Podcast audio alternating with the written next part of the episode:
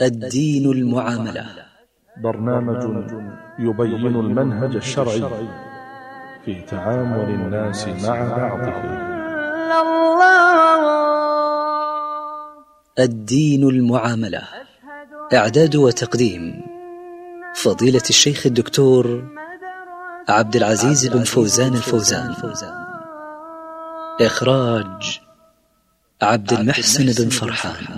بسم الله الرحمن الرحيم. الحمد لله رب العالمين والصلاة والسلام على عبده ورسوله نبينا محمد وعلى آله وصحبه أجمعين. مستمعي الكرام سلام الله عليكم ورحمته وبركاته. تحدثت في عدة حلقات ماضية عن الحسد وتعريفه وأنواعه وخطورته وعن أسبابه وعن وسائل علاجه والأسباب الواقية منه. وهذا يجرنا إلى الحديث عن صورة من أعظم صور الحسد ومظهر من أشد مظاهره وأخطرها وهي العين. وهنا يثور تساؤل مهم ما الفرق بين الحسد والعين؟ والجواب أن بين الحسد والعين عموما وخصوصا وجهيا. فالحسد أعم من جهة وأخص من جهة. فالحاسد قد يكون عائنا يصيب بعينه وقد لا يكون فلا يستطيع أن يصيب المحسود بعينه. فليس كل حاسد عائنا كما أنه ليس كل عائن حاسدا فالعين قد تكون عينا حاسدة وقد تكون عينا معجبة. فتقع العين من محب بل قد يعين الإنسان نفسه أو زوجه أو ولده أو صديقه. فليس كل عائن حاسدا بل قد يكون محبا معجبا. وفي الحديث الصحيح إذا رأى أحدكم من نفسه أو أهله أو ولده ما يعجبه فليبرك. ولهذا والله أعلم إنما جاء في سورة الفلق ذكر الحاسد دون العائن لأن الحسد يدخل فيه الحاسد العائن وغيره وهذا من شمول القرآن وإعجازه وبلاغته. أما العين المعجبة فهي من محب لكنه أخطأ في ترك التبريك على ما أعجبه من نفسه أو حبيبه فأصابه بعينه. وثمة فرق آخر وهو أن الحسد يأتي مع الكراهية والحقد ولهذا لا يقع الحسد في الأهل والمال بعكس العين المعجبة التي قد تصيب الأهل والمال والنفس كما أشرت. وهناك فرق ثالث وهو أن العين علاجها أيسر من الحسد وذلك في حال معرفة العائن واستغساله أو أخذ شيء من أثره أو طلب التبريك منه. وهذا يدعونا إلى الحديث عن خمس مسائل مهمة. الأولى تعريف العين والثانية إثبات حقيقة العين والثالثة أنواع العين والرابعة كيفية تأثير العين والخامسة علاج العين بعد الإصابة بها. أما تعريف العين معنى العين في اللغة الإصابة بالعين أو النفس. يقال عان الرجل يعينه عينا فهو عائن والمصاب معين ومعيون أي أصابه بالعين. قال الزجاج المعين المصاب بالعين والمعيون الذي فيه عين ويقال رجل معيان وعيون أي شديد الإصابة بالعين. وقال ابن حجر تقول عنت الرجل أصبته بعينك فهو معين ومعيون ورجل عائن ومعيان وعيون.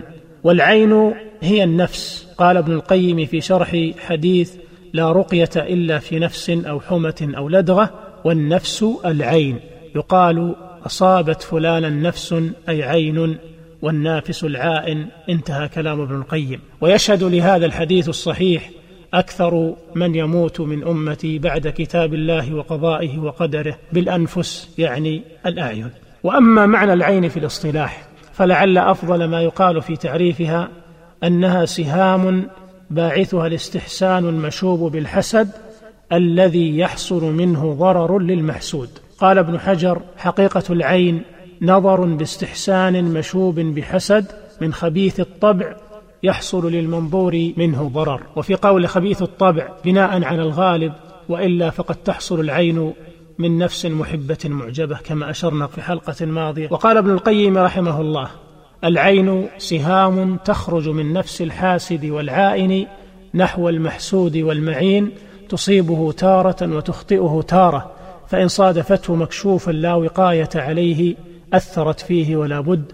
وإن صادفته حذرا شاكي السلاح لا منفذ فيه للسهام لم تؤثر فيه وربما ردت السهام على صاحبها. وهذا بمثابة الرمي الحسي سواء. فهذا من النفوس والأرواح وذلك من الأجسام والأشباح. وأصله من إعجاب العائن بالشيء ثم تتبعه كيفية نفسه الخبيثة. ثم تستعين على تنفيذ سمها بنظرة إلى المعين وقد يعين الرجل نفسه وقد يعين بغير إرادته بل بطبعه وهذا أردأ ما يكون من النوع الإنساني. انتهى كلام ابن القيم رحمه الله. وأما المسألة الثانية فهي إثبات حقيقة العين فقد دل على أن العين لها حقيقة وتأثير بليغ الشرع والحس كما قال الله تعالى على لسان يعقوب عليه الصلاة والسلام وقال يا بني لا تدخلوا من باب واحد وادخلوا من أبواب متفرقة وما أغني عنكم من الله من شيء. قال ابن عباس ومحمد بن كعب ومجاهد والضحاك وقتادة والسدي إنه خشي عليهم العين وذلك أنهم كانوا ذوي جمال وهيئة حسنة ومنظر وبهاء فخشي عليهم أن يصيبهم الناس بعيونهم. فإن العين حق تستنزل الفارس عن فرسه. وقال عز وجل وإن يكاد الذين كفروا ليزلقونك بأبصارهم قال العلماء ليزلقونك أي ينفذونك بأبصارهم أي يعينونك ويحسدونك لبغضهم إياك لولا وقاية الله لك وحمايته إياك منهم قال ابن كثير في تفسيره وفي هذه الآية دليل على أن العين إصابتها وتأثيرها حق بأمر الله عز وجل. وأما من السنة فقد جاءت أحاديث كثيرة تؤكد خطورة العين وشدة تأثيرها. فعن أبي هريرة رضي الله عنه قال قال رسول الله صلى الله عليه وسلم العين حق والحديث متفق عليه. وفي حديث ابن عباس مرفوعا العين حق ولو كان شيء سابق القدر لسبقته العين. والحديث رواه الإمام مسلم. وعن جابر رضي الله عنه قال قال رسول الله صلى الله عليه وسلم أكثر من يموت من أمتي بعد قضاء الله وقدره بالعين. وفي رواية بالأنفس رواه البخاري في تاريخه والطيالسي والبزار وحسنه الألباني بل صححه في بعض كتبه. وعن عائشة رضي الله عنها أن النبي صلى الله عليه وسلم قال استعيذوا بالله فإن العين حق. والحديث رواه ابن ماجه وصححه الألباني. وفي حديث عبيد بن رفاعة الزرقي أن أسماء بنت عميس رضي الله عنها قالت يا رسول الله إن بني جعفر تصيبهم العين أفأسترقي لهم؟ قال نعم فلو كان شيء سابق القدر سبقته العين. أخرجه الترمذي وأحمد وابن ماجه وصححه الألباني وغيره. وعن أبي ذر رضي الله عنه قال قال رسول الله صلى الله عليه وسلم إن العين لتولع بالرجل بإذن الله حتى يصعد حالقا فيتردى منه.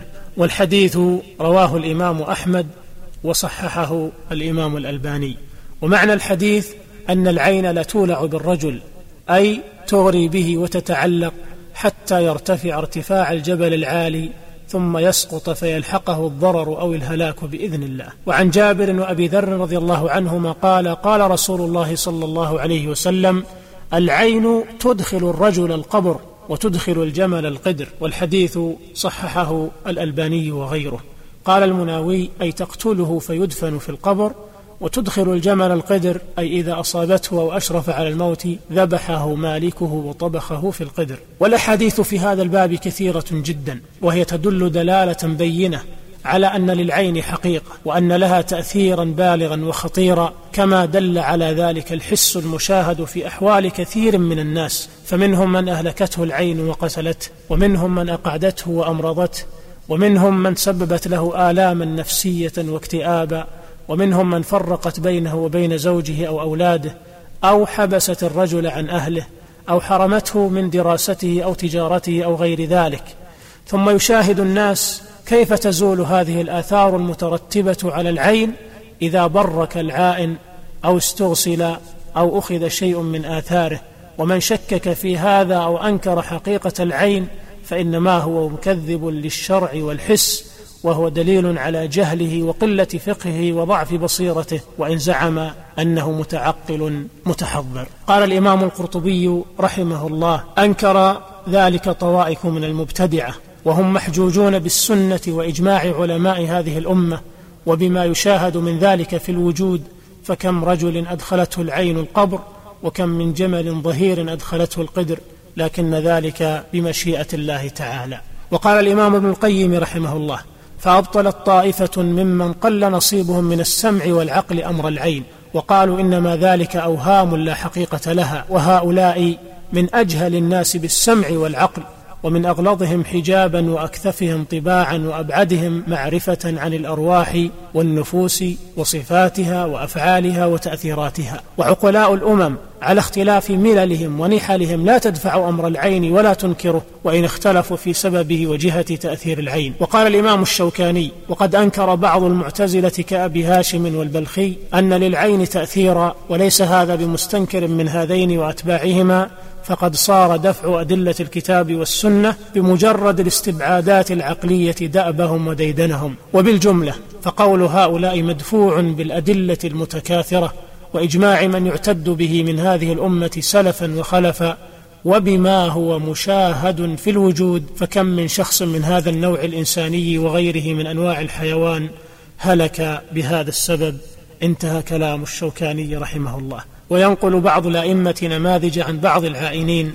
يقول الإمام القرطبي قيل كانت العين في بني أسد حتى إن البقرة السمينة أو الناقة السمينة تمر بأحدهم فيعاينها ثم يقول يا جارية خذي المكتل والدرهم فأتينا بلحم هذه الناقة فما تبرح حتى تقع للموت فتنحر. وقال الكلبي كان رجل من العرب يمكث لا يأكل شيئا يومين أو ثلاثة ثم يرفع جانب الخباء فتمر به الإبل أو الغنم فيقول لم أرك اليوم إبلا ولا غنما أحسن من هذه فما تذهب إلا قليلا حتى تسقط منها طائفة هالكة. فسأل الكفار هذا الرجل أن يصيب لهم النبي صلى الله عليه وسلم فأجابهم فلما مر به النبي عليه الصلاة والسلام أنشد قد كان قومك يحسبونك سيدا وأخال أنك سيد معيون لكن الله عصم نبيه صلى الله عليه وسلم ونزلت الآية وإن يكاد الذين كفروا ليزلقونك بأبصارهم وقال في موضع آخر قال الأصمعي رأيت رجلا عيونا سمع بقرة تحلب فأعجبه شخبها فقال أيتهن هذه؟ قالوا فلانة لبقرة أخرى يورون عنها فهلكتا جميعا المورى بها والمورى عنها قال الأصمعي وسمعته يقول إذا رأيت الشيء يعجبني وجدت حرارة تخرج من عيني. وقال الإمام ابن القيم رحمه الله حتى إن من الناس من يسقط ومنهم من يحم ومنهم من يحمل إلى بيته وقد شاهد الناس من ذلك كثيرا. وما ذكرته عن بعض هؤلاء العلماء يؤكده ما نسمعه كثيرا من أهل زماننا اليوم من قصص مماثلة تدل على أن العائن قد تحصل منه العين فجأة حين تغلبه نفسه فيصيب بعينه وقد يكون قاصدا للإصابة بالعين ويتعمد ظلم المحسود وإيذاءه والعياذ بالله ويتخذ عينه سلاحا للأضرار بالآخرين وتحقيق أغراضه الخبيثة. نسأل الله تعالى أن يعيذنا من شر حاسد إذا حسد ومن شر النفاثات في العقد. وللحديث بقية في الحلقة القادمة بإذن الله. أستودعكم الله الذي لا تضيع ودائعه. والسلام عليكم ورحمة الله وبركاته. الدين المعاملة. برنامج يبين المنهج الشرعي في تعامل الناس مع بعضهم. الدين المعاملة. إعداد وتقديم فضيلة الشيخ الدكتور عبد العزيز بن فوزان الفوزان. إخراج عبد المحسن بن فرحان.